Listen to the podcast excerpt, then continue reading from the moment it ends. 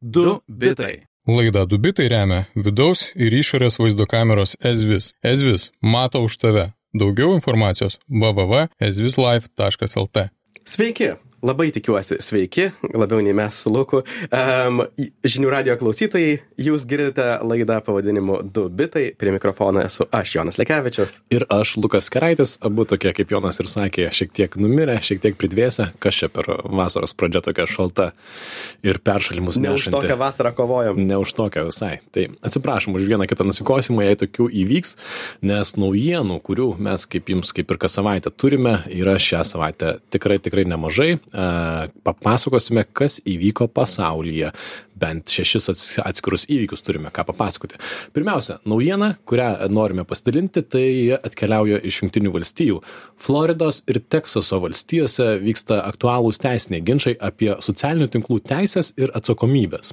Ar, pavyzdžiui, blokuojant politiko Facebook paskyrą nėra suvaržoma rinkėjų teisė žinoti, kiek labai socialiniai tinklai yra atsakingi už savo turinį. Galbūt juos verta žiūrėti kaip į telekomunikacijų bendrovės, kurios juk nemoderuoja, ką mes tarpusavyje kalbamės telefonu. Šiuos ir panašius klausimus kelia du minėtieji precedentai. Tai šiek tiek apie juos daugiau. Floridos įstatymas naujasis pavadinimu SB 7072 buvo nukreiptas prieš cenzūrą, kabutėse, socialiniuose tinkluose. Tačiau buvo apskūstas ir taip ir neįsigaliojo. Šis įstatymas draustų socialiniams tinklams blokuoti politikų anketas, galima prisiminti Trumpo atvejį, jis vis dar yra išmestas iš Twitterio. Taip pat įstatymas draustų deplatformuoti e, žurnalistus bei naujienų portalus.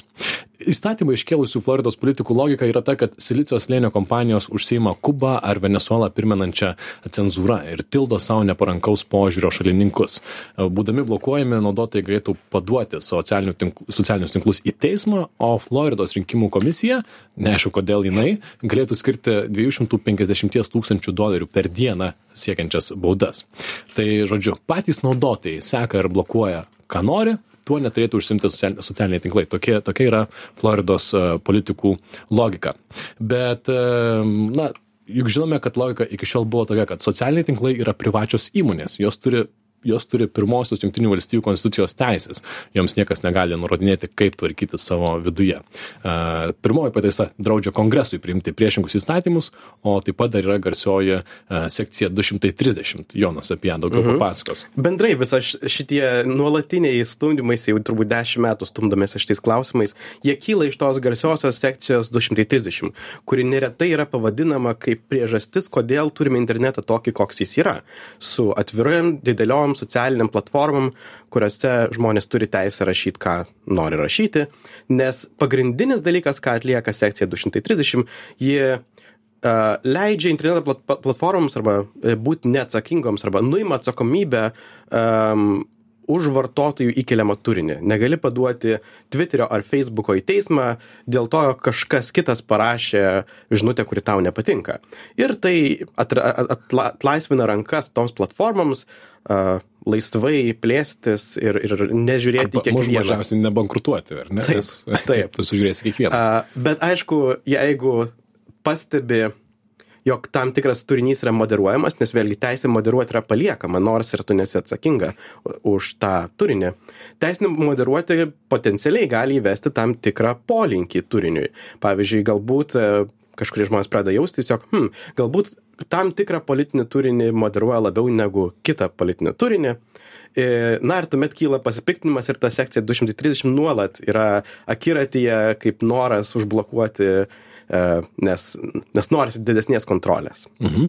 Tad šitas Floridos užgaidis tapti tarsi atskira valstija Junktinėse valstijose, kuri būtų nemo, kurioje būtų socialiniai tinklai nemoderuojami, neišdegė, jau du aukštesnės instancijos teismai nepritarė Floridos šiam įstatymui ir šiuo metu yra toliau bilinėjamasi ir yra įdomu, kad panašiai nutiko ir su panašiu Teksase inicijuotų įstatymu, kurio veikimą neseniai, tai yra šiandien, šiandien dieną, kai mes dar kalbamės, sustabdė Junktinių valstijų aukščiausiasis teismas. Tad Teksaso įstatymas, kurio pavadinimas pavadinimas panašiai nuobodus, jis vadinasi HB20, turėjo drausti socialiniams tinklams moderuoti turinį priklausomai nuo naudotojo pažiūrų, angliškai tai būtų viewpoint. Praktikoje kaip tai galėtų atrodyti, pavyzdžiui, šią akimirką juk gali Facebook'e laisvai pasakyti prieš ISIS, bet negali laisvai palaikyti ISIS, tai būsi blokuojamas. Uh -huh. Arba Facebook'as, jeigu būtų priimtas toks įstatymas, Facebook'as negalėtų pažymėti įrašo kaip misinformacijos, jeigu, pavyzdžiui, kalbame apie skiepus, kadangi tai diskriminuotų naudotojo požiūrį. Tai, mhm. žodžiu, kritikai uh, atšaus, aišku, ar fake news tai yra požiūris. Arba, arba mūsų kraštuose galbūt aktualesnis tokia šių dienų polinkis yra, jog žymiai labiau yra blokuojamas e, Rusijos perspektyvos, taip sakant, turinys, e, bandantis pateisinti invaziją į Ukrainą, tuo tarpu turinys e, kovojantis prieš tai ir, ir sakantis dalykus, kaip iš tiesų yra, tikrai nėra cenzuruojamas ar blokuojamas. Tai jis patektų turbūt į tą tokį sunkiai apibrieštą požiūrio arba viewpoint neapibrėžimą. Ir tiesą sakant, net bendrai klausant skirtingų politikų komentarų apie šitą terminą, ant kurio beveik pasakytas yra visas įstatymas, mhm. jog negalima per tą požiūrį kažkokiu būdu blokuoti, jis yra toks sunkiai užčiuopiamas ir kartais gali atrodyti, jog iš tiesų politikų galvose tas viewpoint yra tai, ką aš noriu sakyti, įeina, bet tai, ko aš pats nesakysiu ir nenoriu net matyti, tai tas neįeina. Ir toks, hmm, atrodo, truputį minkštas įstatymas, kurį galima laikui bėgant taikyti nebūtinai sistemingai. Ir mes ne kartą esame kalbėję šią temą apie socialinius tinklus, žodžio laisvę ir e, man kažkaip visai nestebina, kad šie du įstatymai panašu, kad jiems sekasi sunkiai ir panašu, kad kuo toliau, kuo aukščiau teismais, jiems, na, atrodo, kad mažai šansų, kad jie, jie praeis, kad jiems bus pasiseks. O tie nemoderuojami socialiniai tinklai, tai čia toksai šlapės sapnas. Kažkas apie tai pasvajoja, bet ką žinai, ar norėtume tokiuose, mhm. tokiuose būti. Tikrai esame apie tai kalbėję. Nes galima turėti vertybiškai tokią labai ryškiai raudoną liniją, jog jokio moderavimo visi turi teisę turėti, uh, sakyti, ką tik nori. Realybė yra ta, jog internetas iš tiesų yra malnus naudoti tik todėl, jog yra pakankamai stiprus moderavimas. Ir bendruomenės, kuriuose principingai yra nesilaikoma griežto moderavimo, jos tampa itin nemaloniomis vietom, vietomis būti nuolatinės ideologinės kovos ar tampama, to, tampama toleruojami asmeniniai įžeidimai ir, ir panašus dalykai. Ir tiesiog masės pasitraukia, tos platformos niekad nesiplečia ir neišauga, todėl jog visgi žmonės nori būti aplinkoje, kurioje yra maloniau būti ir to mes negalime turėti be pakankamai konkrečios, gana griežtos moderavimo mhm sistemos. Ką, ką tik pasakė Jonas iš esmės straipsniuose, sakė ir, ir Junktinių valstybių teisėjai panašiai argumentavo kaip, kaip Jonas. Tad, e, na, iš prieš tos temos neišvengiamai, kas pusę metų sugrįžtame. Laisvi, laisvi žodžiai, socialiniai tinklai, internetas. Kita tema, kurią šiandien norime pakalbėti, gerokai vizualesnė ir jinai vadinasi Imagine. Mhm. Grįžtame į dirbtinio intelekto pasaulį. Prieš kelias laidas, prieš kelias savaitės pasakojame apie OpenAI, kurie nustelbė pasaulį su savo DALI 2 e, dirbtiniu intelektu. 33 laidoje, tai dubitai.com pasvarsės brūkšnys 33. Ten galėsite ir paveiksliukų rasti apie tai, ką kalbės, nes visgi tokia vizuali tema dirbtinis intelektas, kuris kuria vaizdus. Jis veikia tokiu principu, jog jam gali duoti tekstą ir gana detalų, net ir pasaulyje iki šiol nesukurta kažkokia vaizduotė, pavyzdžiui, marmurinė skulptūra vaizduojanti koalą, kuri yra didžėjus. Toksai labai išsvajotas vaizdas. Arba, arba e, dubitai laidos vedėjas Jonas valgo buritos Paryžiuje, bet paveikslėlis yra impresionistinis paveikslas. O tai. Duodi tokį sakinį šitam dirbtiniam intelektui ir jis tau duoda paveikslėlį. Kaip viskas atrodo? Itin kokybiška. Tokį, jog net būtų sunku pasakyti, ar čia žmogus prie, su Photoshopu dirbo 3 valandas, ar nuotrauka kai kuriais atvejais. Labai kokybiškas geras rezultatas. Um, tai Tai Google pristatė savo socialinį, nesocialinį e, dirbtinį intelektą Imagen, kuris įvairiom metrikom net lenkia dalį savo kokybę jie yra panašūs labai panašūs. Jie abu veikia tuo pačiu diffusion principu apie kurį visai būtų smagu pagikautinti kaip veikia ten tie neurotinklai kuo jie skirias nuo kitų generatyvinių modelių bet mes neturim pusvalandžio tai galėsit šiaip pasinagrinėt kas yra diffusion. Um, jie yra taip pat abu treniruojami ant viso interneto duomenų kur yra suporuojami su paveikslėliais ir jų aprašymais. Tam jog dirbtinis intelektas įgytų supratimą kas apskritai yra koala, kas yra didžėjus, kas yra marmuras ir vėliau galėtų šitus tris principus sujungti į vieną bendrą vaizdą. Ehm, na ir tokiu būdu jie išmoksta kurti vaizdus. Jie šiek tiek skiriasi, tai kaip minėjau, objektyviais kriterijais žiūrint Imagen um, rezultatai yra kokybiškesni. Imagen taip pat žymiai geriau tvarkosi su tekstu, kas šiaip yra visai jokinga. Jeigu dalai du pasakai, pavyzdžiui, parašyk kažkokią, tarkim, paveikslėlį su knyga, tai toje knygoje bus vien tik išgalvoti žodžiai. Tuo tarpu Imagen kind of daugmaž supranta, kas yra žodžiai ir juos naudoja logiškai man dar asmeniškai yra visai įdomu tai, jog Imagen žymiai geriau tvarkosi, pavyzdžiui, su stiklu, kaip veikia atspindžiai, kaip veikia veidrodžiai ir kaip dalykai atsispindi juose, tad vėlgi tam tikras kokybinis šuolis jaučiasi. Kas yra tokia sudėtinga sritis, kaip mhm. atvaizduoti stiklą arba vandenį kompiuterio ekrane, čia yra neįsivaizduojamai. Žmonės doktorantūras apie tai rašo. Y ypač išhaliucinuoti vien tik tai iš savo dirbtinio intelekto. Vienas svarbus panašumas abiejose šitose dirbtinėse intelektuose, tiek OpenAI DALI, tiek Google Imagen, yra tai, kad jie abu nėra prieinami kas mane vis dar liūdina. Tai kas gali prieiti prie šitų, prie šitų modelių ir juos išbandyti? Šiuo metu jie itin riboja prieimą, realiai prileidžia tik tai tam tikrus sąraše esančius mokslininkus, kurie gali išbandinėti ir labai griežtomis sąlygomis.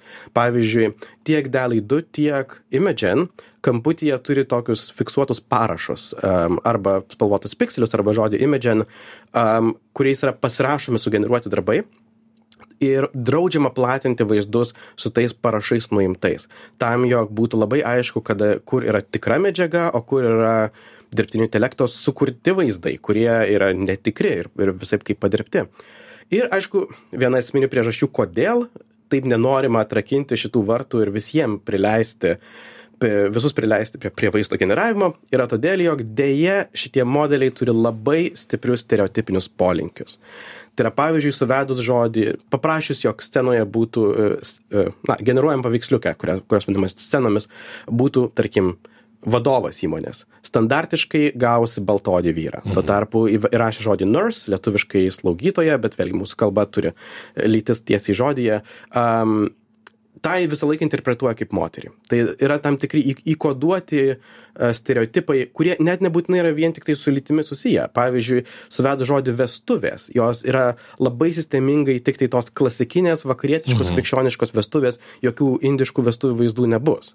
Ir kadangi tai yra dėje tokie stipriai stereotipiniai vaizdai, um, ne, nenorima, jog tai labai laisvai sklistų ir, ir nemanoma, jog visgi dėja intelektas yra paruoštas vis, viešam naudojimui. Ir yra dar kitų dalykų. Gražų vertimą radai angliškam žodžiui bias, stereotipiniai polinkiai, daug geresnis negu šališkumai. E, aš manau, kad ir daugiau priežasčių yra, kodėl nenorima paviešinti ir komercinių be abejo. Ir jeigu rytoj būtų paviešinti šitie modeliai, tikrai, tikrai atsirastų šimtai ar tūkstančių žmonių, kurie prarastų darbus. Tai yra mhm. gra grafikai. E, bet anksčiau ar vėliau šitie įrankiai bus vieši ir įdomus bus laikai, kai mes galėsime mhm. tiesiog pasakyti, bus dar įdomesni laikai, kai tai visa bus judantis paveikslėliai, ar ne? Ir aš galėsiu papasakoti savo filmą, kad jame vyksta tai ir tai ir gaunu iškeptą filmą, nieko nefilmavęs. Google aš bendrai manau. jie nori dar investuoti į papildomus algoritmus ant šito algoritmo viršaus. Vienas iš jų būtų tobulinti specialius algoritmus, kurie blokuotų konkrečių žmonių atkūrimą. Pavyzdžiui, kaip tu davai pavyzdį laidos vedėjas Jonas, jog tai nebūtų įmanoma, jog tu negalėtum mhm. paprašyti Anglijos karalienę, nes tai yra per daug tamsiai pilka tokia zona. Mm, čia labai lengva būtų gaminti fake news, mm -hmm. kur, kur kažkas padarė kažkokią nesąmonę. Tai jie bandys kurti algoritmus, kurie blokuotų tokį naudojimą ir taip pat bet kokį blog, e, naudojimą, kuris būtų susijęs su panaudojimais, kurių jie nenori matyti. Tai visokie pornografinis turinys arba žiaur, žiaurūs vaizdai yra labai daug tokių dar stabdžių kuriuos reikia sukurti jog visgi modelis būtų iš tiesų prieinamas ir laisvai naudojamas žmonių. Labai įdomu, kam, kam smalsu, tai įrašykit Google Imagen į Google ir pamatysite, kokius paveikslėlius kokybiškus padaro vien iš teksto.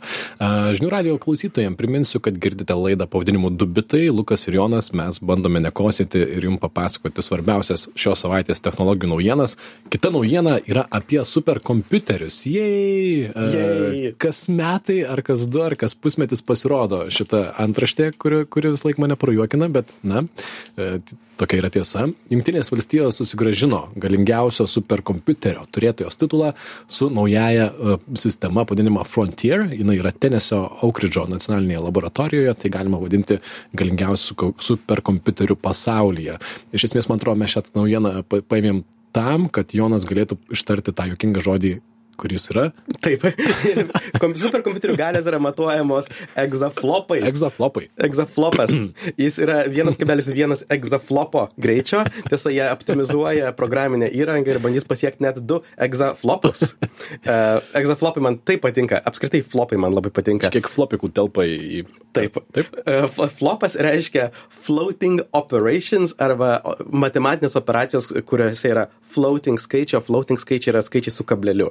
Tai yra skaičiai, kurie yra itin daug naudojami simulacijose, dirbtinio intelekto treniravime, bendrai tokie tikslų skaičiai, kurių reikia šitose simulacijose, bet tai yra labai jokingas žodis ir man patinka jį sakyti.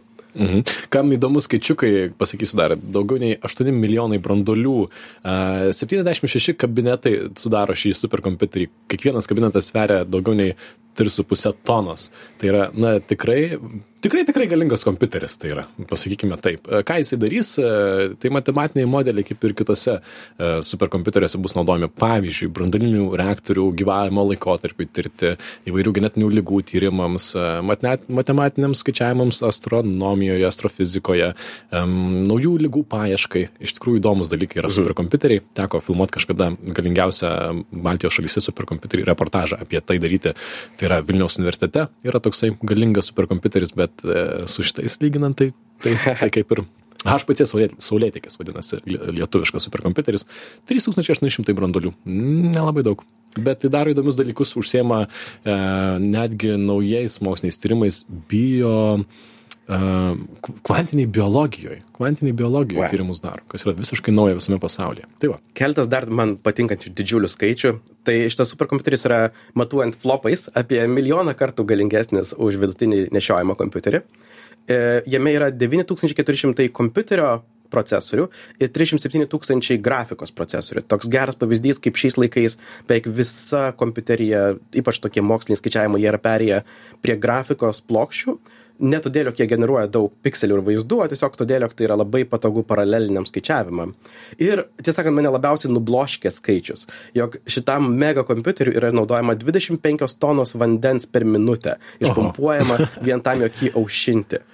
Tai yra iš tiesų sunkiai suvokiamas kiekis vandens. Nu, labai galingas kompiuteris, žinau, kad pagrindinė mintis tikrai tokia. Nors e, dar sakoma, kad Kinijoje galbūt yra du galingesni e, superkompiuteriai, bet nėra oficialių duomenų, tai tik tai spėliojama, bet Kinai taip pat turi ne vieną galingą, galingą superkompiuterį. Mhm. E, kita naujiena dar juokingesnė. Dar juokingesnė. Juokinga istorija trumpa apie tai, kas e, absurdiško vyksta NFT pasaulyje. Tarsi ten kas nors vyksta neabsurdiško. Geras pastebėjimas.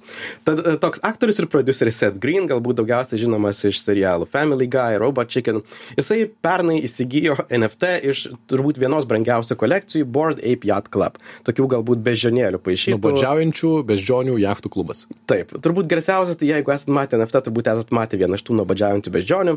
Ji, šita kolekcija yra labai unikali dėl savo vienos iš savybių. Uh, NFT savininkai gauna neribotas komercinės teisės tiems NFT, kuriuos turi. Tai reiškia, gali gamintis pinigus iš tų NFT kaip tik tai sugeba. Uh, leisti marškinėlius arba, pavyzdžiui, kaip sugalvoja Seth Green, kurti naują animatinį serialą su savo NFT. Ir savo bežionys davė pavadinimą, Fred Simian tapo tai pagrindiniu jo serialo veikėju ir jisai sukūrė visą tą serialą ir jau buvo pasiruošęs išleisti į pasaulį trailerį. Ir dar likus kelioms dienoms um, jis pakliuvo į apgavikų pinklės ir iš jo NFT buvo pavoktas. Ir tą pavoktą NFT labai greitai perpirko kitas anoniminis savininkas ir neplanavo jo atiduoti. Tad kas yra jokingiausia, jog per tą NFT pavogimą aktorius Seth Green prarado legalią teisę išleisti savo jau sukurtą serialą, nes jis turi tas komercinės teisės tik tai vis dar turėdamas NFT, na ir jis jo nebeturi. Ta tokia absurdiškai jokinga situacija. Serialas guli, sukurta, guli sukurtas su visom serijom ir visais veikėjais. Na, bet panašu, jog bus sudėtinga jį išleisti vien todėl, jog aktorius prarado JPG paveiksliuką. Šiaip visiškai absurdiška situacija. Aš nežinau, ar galėjom tai įsivaizduoti prieš pusę metų, bet norėjai kaip geriau, norėjai išnaudoti, bet tiesą pasakius, geriau būtum tiesiog pats sukūręs veikėją ir, ir padaręs tradiciniu būdu. Visiškai. Ir ta situacija, kad žinai, kaip išsispręs, nelabai daug būdų, nebent geranoriškai jiem atiduos tą NFT. Tai žiūrėsim, kaip bus.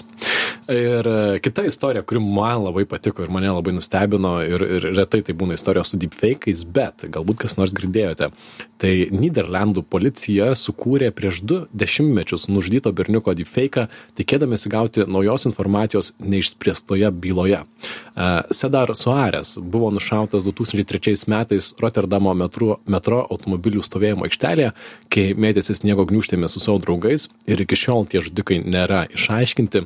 O policijos pasidalintame video įraše e, Sedaras, e, tai yra aktorius, kurio vietoj veido matome žuvusio berniuko veidą, eina per futbolo aikštelę ir jis yra lydimas draugų, o foninis balsas sako, kažkas turi žinoti, kas nužudė mano brolį. Todėl prikėlėme jį naujam gyvenimui šiame filme jei žinote ką nors apie jį papasakokite.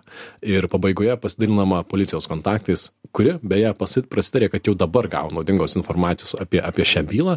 Tai m, pagaliau e, naudingas ir įdomus ir labai praktiškas ir žavintis deepfake arba giluminių kaukių m, technologijos panaudojimas kiek žinau al nyderlanduose ši ši ši reklama tikrai eina per visą televiziją ir ir žmonių gana sutinkama jautriai ir ir palaikančiai.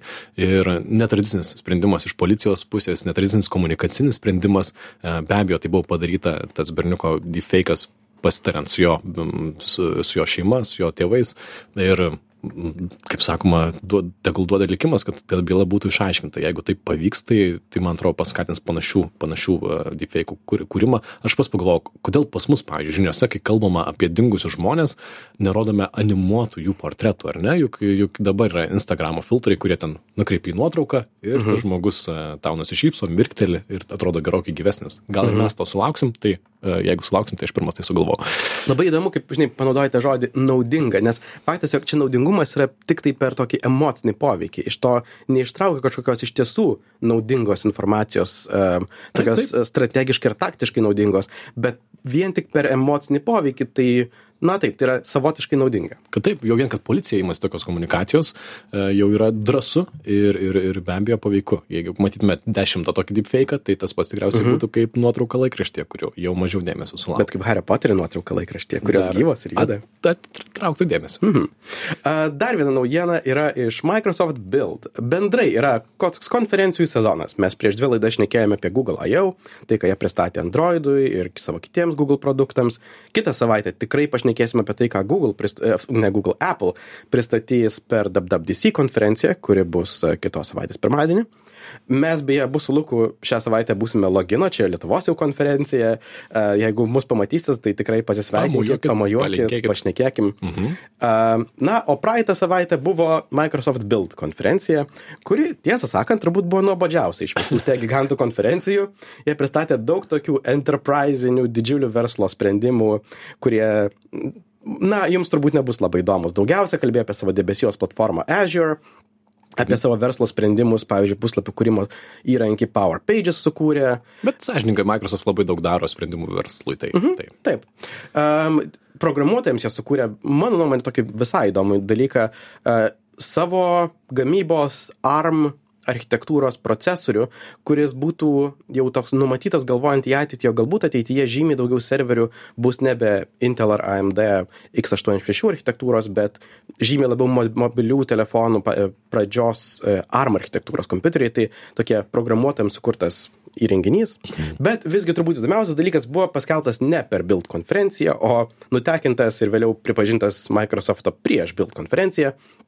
Jų naujas, dar neišėjęs, dar kūriamas Xbox modelis, kuris visgi ne žaidimų konsolė, o labiau priedėlis televizoriui. Panašiausias analogas galbūt būtų Google Stadia. Tai yra toks mažas prietaisiukas, kurį prijungi prie televizoriaus ir jisai tiesiog iš interneto transliuoja žaidimų vaizdą iš Google Stadia atveju iš Google domenų centrų, Microsoft e, atveju tai būtų iš Microsoft domenų centrų, Azure, bet tau nebereikia turėti fizinės konsolės namuose, tiesiog internetu transliuojasi savo žaidimo vaizdus. į bet kokį ekraną net nebūtinai televizorių ar ne tiesiog Teisingai. monitorių gal netgi projektorių tikriausiai Mhm, irgi taip. tiesiog turėk kur rodyt Ir vaizdą tas labai įsipaišo į naują strategiją, ku- kurios visgi šerdis nebėra fizinės konsolės, o mėnesinė prenumerata, kur tiesiog moki už prieimą prie daugybės žaidimų ir kai kuriais atvejais net fiziškai gauni konsolę arba prietaisiuką. Tad tokia galbūt ir bus ateitis, kur žaidimui tiesiog užtenka prijungti mažą dalykėlį prie ekrano ir žaisti. Geras, netikėta. Ir Jonai, turi 30 sekundžių pasiniai naujienai mūsų. Oho, tokia iš formalumo. Vyko turbūt didžiausias technologijų, vienas didžiausių technologijų sandorių istorijoje. Tai pro- Mikroprocesorių gigantas Broadcom nusipirko virtualizacijos, kas yra toksai programuotojų technologija, gigantą VMware už 61 milijardą dolerių. Nemažai. Didžiulis sandoris ir jis yra įdomus tik tai turbūt e, top 500 pasaulio kompanijų vadovams ir, Ir niekam daugiau. Bet suma didelė. Tai tiek, šiandien sutilpinome nemažai visai naujienų. Ačiū, kad klausytės. Žinių radio klausytėjams sakau, jūs girdėjote laidą Dubitai. Joje kalbame mes. Tai yra Lukas Keraitis ir Jonas Lekevičius. kitas svarbiausias naujienas. Kitą savaitę sugrįžę pranešime jums vėl. Tad iki kitos savaitės. Iki. Iki. Du bitai. Laidą Dubitai remia vidaus ir išorės vaizdo kameros Ezvis. Ezvis mato už tave. Daugiau informacijos www.ezvislife.lt.